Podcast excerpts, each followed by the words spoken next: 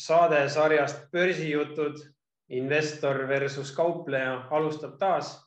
mina olen Märten ja vaatan maailma investori pilgu läbi. mina olen Markus, lisaks ostule ka müün aktsiaid ehk vaatan turge kaupleja pilgu läbi. ja kes meie eelmist saadet ei näinud, siis annan veel teada, et nüüd on meil saated ka audioversioonis. Kes väljas liikudes tahab meid hoopis kuulata või tahab mobiili netipaketi kokku hoida, siis video all on link, kus on kõik audioversioonid saadetest.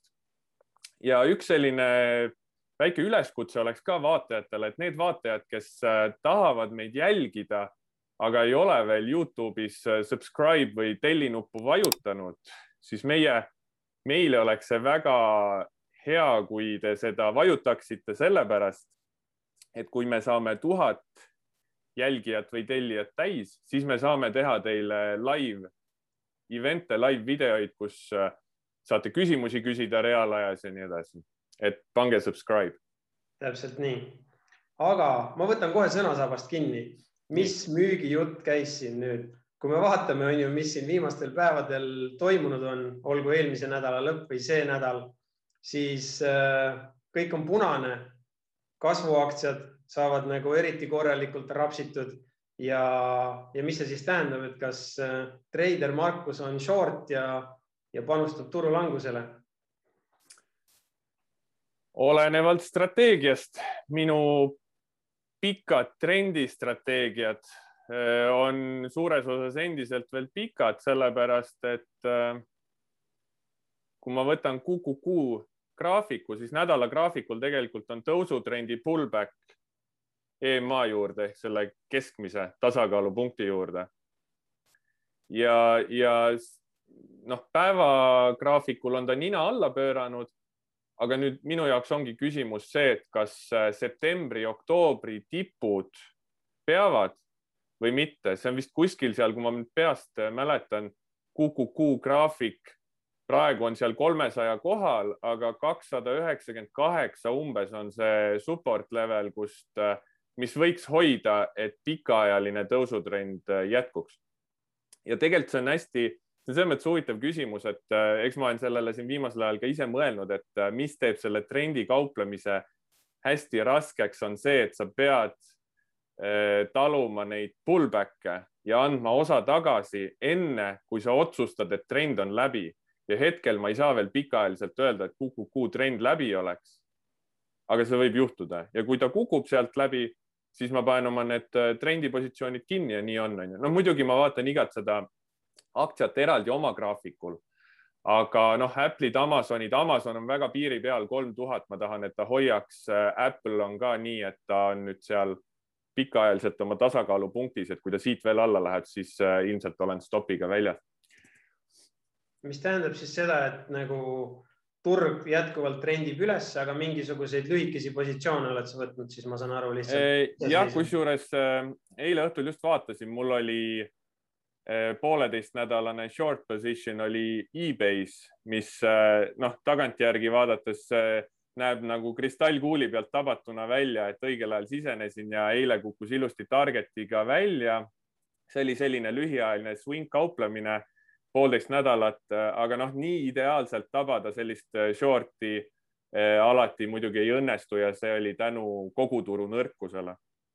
Mm.. aga mul oli päris suur, mul oli päris suur positsioon seal mingi kümme-viisteist protsenti portfellist okei. Okay., no väga hea, et sa ütlesid seda, et äh, mõnikord läheb nagu ideaalilähedaselt, aga enamasti mitte, sest et kohe ma jagaks siia juurde ähm, sellist oma niimoodi probleemi või treidi, mis on äh, laual olnud ja, ja millega siin ma vaikselt ähm, siis niimoodi küüsi närin ja küsiks siis nagu ekspertidelt on ju, et mida ma siin ikka pusin investorina, üritan siin kaubelda. ehk siis alustuseks ma räägin nagu nii-öelda üldiselt ja siis pärast ütlen ära ka, mis aktsiaga tegu on. aga, aga küsin sinu käest sellist asja, et kui, kui setup on siis ütleme selline, et näiteks saja dollari tase on justkui tase, millest on läbi murtud ja sellest on saanud selline toetustase ja ja, ja võiks siis panustada tõusule, on ju, senikaua, kuni see saja dollari tase peab. nüüd viimastel nädalatel, mida me näinud oleme, me oleme päris palju sellist äh, whip show'd või, või üles-alla, on ju, läbimurd läbikukkumisi toetustasemetelt, siis tagasi ülesse. ja, ja mis siis minu portfellis toimus, oli see, et äh, läksin panustama läbimurdele ja tõusule. Stopp oli paigas, no ütleme, et see oli näiteks kaheksakümne viie peal. Ta kukkus päevasiseselt stoppi, sain sealt välja löödud. Ja päeva-paari pärast ta sulgus uuesti ülevalpool seda nii-öelda endist toetustaset. Ehk jälle justkui oli see tõusutrend avatud. nii, võttes nüüd arvesse seda infot on ju, et me oleme sellest toetustasemest kenasti ülevalpool, korraks ma olen saanud välja stopatud. Kas sina võtaks selle positsiooni uuesti sisse või lööks käega ja mõtleks, et no hea küll, las ta jääda? üldjuhul, kui ma stopiga lendan välja, aga see setup on ikkagi valid, ei ole, see pilt ei ole muutunud, siis ma võtan uuesti, ma võin kolm korda seda uuesti võtta, kui see setup'i ülesehitus ei ole nagu murdunud mm. -hmm et äh, noh, seda on nagu raske väga üldiselt öelda, peaks konkreetset case'i nägema, et kui sa seda graafikut näiteks oleks. mul ei ole isegi graafikut ees, aga okay. millest ma räägin okay., ma räägin Zoomi aktsiast siis su. Su-, su-, okei okay,, Zoomi, Zoomi aktsia on mul äh, jälgimisnimekirjas, saaks võinud seda kohe öelda, ma peast võin sulle kohe öelda seda, ma ei hakka graafikut ette võtma Zoom oli mul jälgimisnimekirjas sel nädalal, aga tal oli esimesel märtsil või oli teisel tulemuste avaldamine peale sulgumist. ja mina otsustasin selle ära oodata, sest kuna ma fundamentaalanalüüsi ei tee, siis mul on see lihtsalt gamble, et äh, ma oleks ostnud enne tulemusi. ja ma ei ostnud äh, peale turu sulgumist, nägin muidugi oli pluss kümme protsenti järelturul, tundus, et äh, kui nüüd ta mingi pullback'i teeb ja siis tagasi tugevalt sulgub, siis ma sisenen järgmine päev aga järgmine päev ta lihtsalt andis kõik tagasi, andis terve eelneva päeva tagasi ja, ja kukkus veel järgmine päev edasi, nii et äh, mina olen väljas, ma ei ole seda Zoomi ostnud praegu mm. -hmm. ja, ja see, jah. juhul, kui nädala lõpetaksime nüüd äh, uuesti läbimurdest ülevalpool. tead, ta on natuke volatiilne, natukene selline mm, närviline on see hinnaliikumine olnud, mina tahaksin ennem näha, et ta natuke vaibuks, need küünlad äh, läheks kitsamaks ja selline volatiilsus ja paanika nagu sum, noh, sumbuks. siis ma vaataks seda breakout'i. ma päris nii, et kui ta seal jopina üles-alla hüppab, siis ma ei pruugi kohe siseneda uuesti. no väga hea, ma loodan, et kõik tegid märkmeid nüüd on ju, võtsid Zoomi graafiku kõrvale ja okei okay,, aga mina tahaksin jätkuküsimusena küsida sinult, eelmises saates sa rääkisid raamatust Hundred to one in stock market. kas sa lõpetasid ära selle raamatu? ei, ma olen täpselt sama kaugel. aa, okei, okei, sest mina lugesin ühte kokkuvõtet, üsna põhjalikku kokkuvõtet sellest raamatust ja ma sain kohe aru, et see ei ole minule no, silmaringi laiendamiseks võiksin võib-olla lugeda, aga ma saan aru, et see on selline eelmise sajandi iduinvesteerimine, kus äh, autor siis soovitab valida väikseid innovaatilisi ettevõtteid, mis avalikkusele on veel teadmata, millel on hea toode, tegus juhatus, kasvavad tulud. Ja siis ta rõhutab seal seda, et osta, hoia, ära püüa turgu ajastada, kui kukub, osta juurde, et täielik diamond hands äh, vastupidine siis mm. minule kui kauplejale paar sellist äh, punkti oli, mis äh, noh, läheb minu mõttemaailmaga kokku, oli see, et tulevik on teadmata ja alati jää iseendale kindlaks äh,, olenemata, mida teised arvavad. aga sellepärast jah, ma tahtsingi selle teemaks tuua, küsida, et kas sul on see läbi ja, ja mis sa arvad, aga kui ei ole, siis äh, mingis tulevas saates võtame uuesti selle ette. ja täpselt nii. kuule, aga vahetame natuke käiku ja, ja küsin sinu käest ähm, mm, natukene siis nii-öelda mineviku äh, hindamist ja, ja progressi jälgimist, et, et kuidas sina üldse kauplejana hindad siis oma tulemuslikkust, et sa hakkasid hiljuti blogis jagama ka oma tootlusnumbreid, nii oma strateegia mineviku backtestingu kui, kui reaalse portfelli aga, aga noh, see ei ole ju suure tõenäosusega kõik, et, et sa vaatad midagi veel lisaks või et kuidas sa üldse aru saad, et sinu jaoks oli nüüd edukas kvartal või edukas aasta? edukas äh, kauplemispäev, kauplemisnädal, kauplemiskuu on mul siis, kui ma ei riku oma reegleid kõige olulisem on see, et ma oma strateegiate reeglitest kinni peaks, sest äh, kuna kauplemine on nii emotsionaalne, me tihti võime ennast ära unustada ja teha vigu, kas siis äh, kogemata või tahtlikult kuidagi hakata äh, kauplema oma, kauplema oma emotsioone või seda rahalist kontojääki tagasi teenima, kaotusi ja tegelikult see on juba vale tee, sest me ei kauple enam turgu, me ei kauple oma graafikuid, vaid me kaupleme oma kontot esimene asi on see, et ma ei rikuks oma reegleid ja ma kaupleks graafikuid, mitte mingeid arvamusi või, või PNL äh, jääki. Äh, teine asi, mida ma vaatan iga strateegia puhul eraldi, vaatan äh, win rate ehk võidumäär, kui palju oli võitjaid-kaotajaid, kui ma tean, et backtesti järgi see ajalooliselt on viiskümmend, viiskümmend on ju, viiskümmend protsenti võitjad, siis ma tahan näha, et see väga ei erineks keskmisest. Aga võidumäärast veel olulisem on minu jaoks äh, keskmi, keskmise võidu ja keskmise kaotuse suhe ehk siis see, et mu võidud oleks kaotustest suuremad ja nad võiks olla vähemalt kaks korda suuremad. ehk siis äh, noh, lihtne näide, et kui mul on fifty-fifty võidumäär ehk siis ütleme ümmarguselt kümnest tehingust viis on võidud, aga iga kaotusega äh, kaotan tuhat dollarit ja iga võiduga võidan kaks tuhat dollarit, siis kokkuvõttes ma olen, on ju noh, kenasti plussis. et kümme tuhat võidud, viis tuhat kaotused, see kasum on viis tuhat dollarit. Et seda, neid, neid näitajaid ma vaatan, võidumäära ja keskmise võidu kaotuse suhet lisaks tootlusele.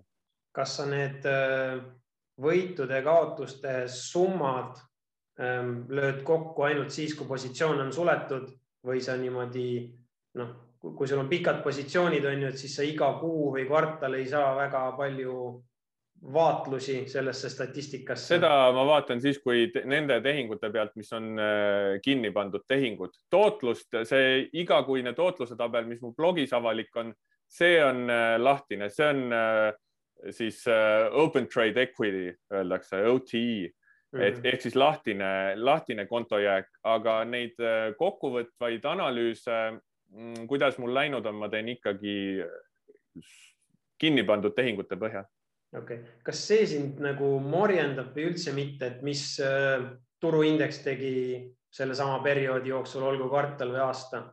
Teate, nii palju, kui mulle on soovitatud ja olen targematelt kogenumatelt õppinud, siis ei soovitata võrrelda mitte millegi ega kellegiga, ei soovitata võrrelda teise kauplejaga, ei soovita võrrelda turuindeksiga, et noh, loomulikult äh, põhieesmärk, mitte põhieesmärk, aga lõppeesmärk, üks eesmärk on see, et äh, turu keskmist tahad ju ületada, et äh, muidu justkui poleks sellel kõigel mõtet. Aga seda niimoodi lühiajaliselt jälgida ja võrrelda ei ole mõtet, sest tugeval pulliturul on äh, tihti üsna keeruline seda turu keskmist piitida äh, ja see võib-olla see turueelis ja äh, tuleb välja hoopis karuturgudel. Mm.. no selge pilt.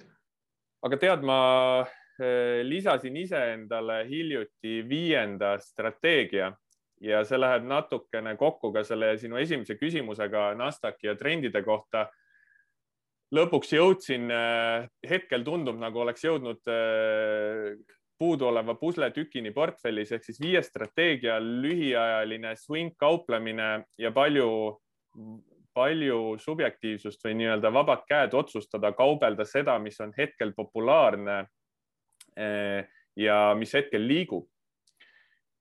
ja, ja võib-olla neid tehinguid on edaspidi ka börsijuttude vaatajate-kuulajatega parem jagada ja rääkida.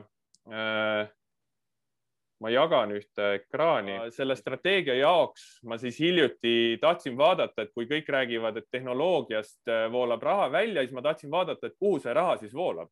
et mis on mm -hmm. siis need äh, tugevad sektorid ja valdkonnad, mida hetkel võiks vaadata ja ma võtsin välja siis sada neli industry't või tegevusvaldkonda, mis mul, mida ma jälgin.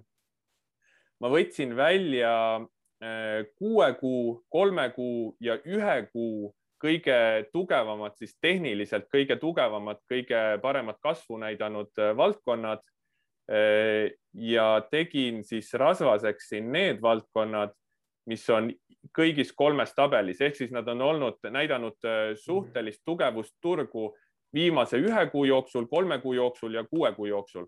See võiks anda nagu mingisuguse eelduse, et järgmised kolm kuni kuus kuud võiksid nad veel hästi liikuda. ja, ja siin on siis näha see, et Uh, non-ferrous metals, airlines, uh, uh, transportation, oil equipment, banks, heavy construction, exploration, production on energiasektor. Commercial vehicles on industriaalsektor ehk siis siit ma sain ise nagu selle järelduse, et hetkel ongi energia, finantsid ja industriaalsektor, mis siis tehnoloogia nõrkuse kõrval näitab tugevust. Ja olen nüüd oma jälgimisnimekirjades seda Äh, lühiajalise swing kauplemisstrateegia puhul arvesse võtnud. ja hetkel nagu neid ettevõtteid kauplen siis äh, pikaks. Ja tahtsin sinult küsida, et mis sina sellest sektorite rotatsioonist hetkel arvad, kas sa ise kuidagi jälgid seda, kasutad seda, äh, vaatad, mis on nüüd siis need tugevamad sektorid, kuidas sa ise suhtud ja kasutad mm? -hmm. et need minu kauplemisponnistused, mida ma nüüd sihipäraselt viimased aasta aega olen teinud need väga suuresti baseeruvadki just täpselt sellel samal, mida sina näitasid, ehk mis ähm, alamsektorid näitavad suhtelist tugevust.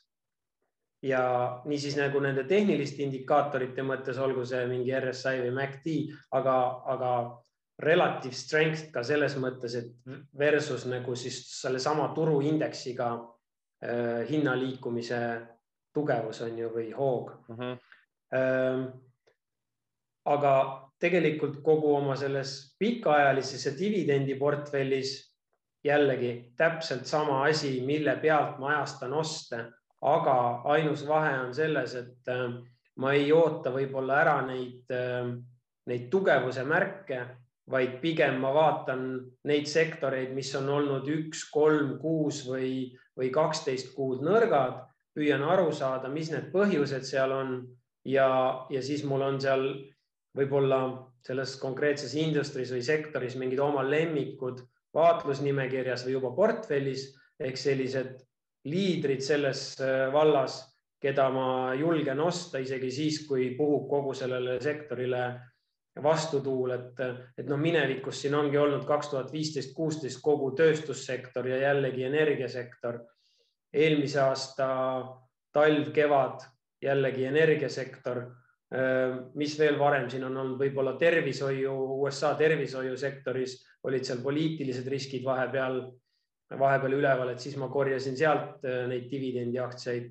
et põhimõtteliselt kahe käega poolt ja, ja rakendan ise ka, et pikaajalises portfellis siis võib-olla seda risti vastupidist signaali on ju, et, et ostan seda nõrkust ja varun kannatlikku meelt ja, ja istun ja korjan dividenditulu nii kaua, kuni, kuni hinnad pöörduvad.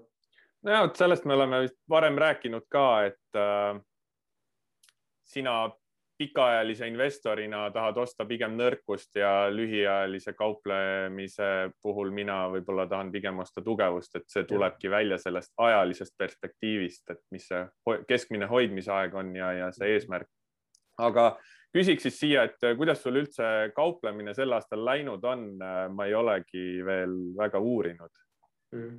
no tegelikult me võime siin, ma mõtlesin, et ma võtan järgmises saates selle jutuks, aga, aga suure tõenäosusega saab siin äh, kriips alla tõmmatud selle kuuga minu sihipärasele kauplemisele, et, et aastakene on täis ja, ja lõin numbrid kokku ja, ja tuleb tunnistada, et palju kära ja vähe villa on selle asja nimi.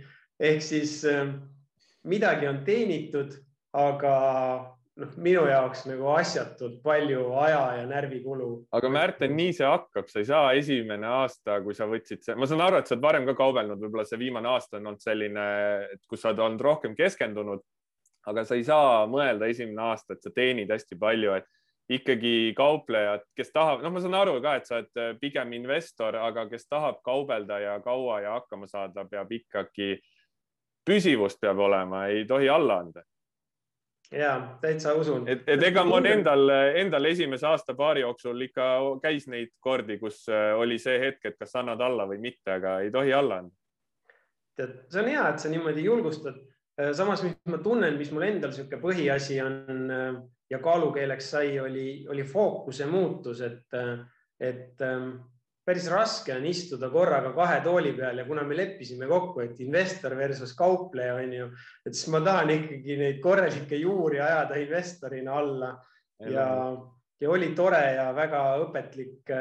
eks ma episoodiliselt nii või teisiti jätkan seda edaspidi ka, nagu ma läbi aastate teinud olen, aga nüüd jah, nagu sellise äh, sihipärase ja, ja väga regulaarse kauplemisega tõmban küll joone alla, et okei okay,, aga võib-olla siis järgmises saates sa tahad äh, täpsemalt midagi näidata, rääkida, kuidas sul siis ja, ja miks mitte, aga no hea küll, lõpetuseks äkki viskame siis midagi huvitavat välja, et ähm, kuigi ma olen otsustanud, et ma uusi kauplemispositsioone hetkel ei ava, siis äh, asjad jäävad ikkagi radarile silma ja, ja see tabel, mis sa hetk tagasi näitasid ähm,. Need nii-öelda mitteväärismetallid on teinud ikka päris tugevat sõitu, on ju siin viimastel kuudel ja kvartalitel. Ja, ja mis sa arvad, kas äh, nüüd on aeg nagu nende säravamate metallide jaoks ka lõpuks ometi ehk räägime siis noh, ma ei tea, kas me kullast räägime, aga räägime äkki kullakaevandajatest, et minu radarile jäi selline kullakaevandajate ETF nagu GDX, ta kaupleb küll USA börsil, et paljud meist ei pääse sinna ligi. aga, aga no täitsa, täitsa sihuke potentsiaalikas äh, swingi idee paistab, kui seal, ma mäletan õigesti, äkki oli kolmekümne ühe dollari tase, mis seal selline, selline kriitilisem oli jah, ma praegu võtsin selle ette GDX äh, nädalagraafikul pikaajaliselt langustrendis, äh, päevagraafikul langustrendis, äh, noh, mina pikaajalist sellist mitme nädala, mitme kuu positsiooni ise ei võtaks, kui ta on langustrendis, pikaks vähemalt mitte.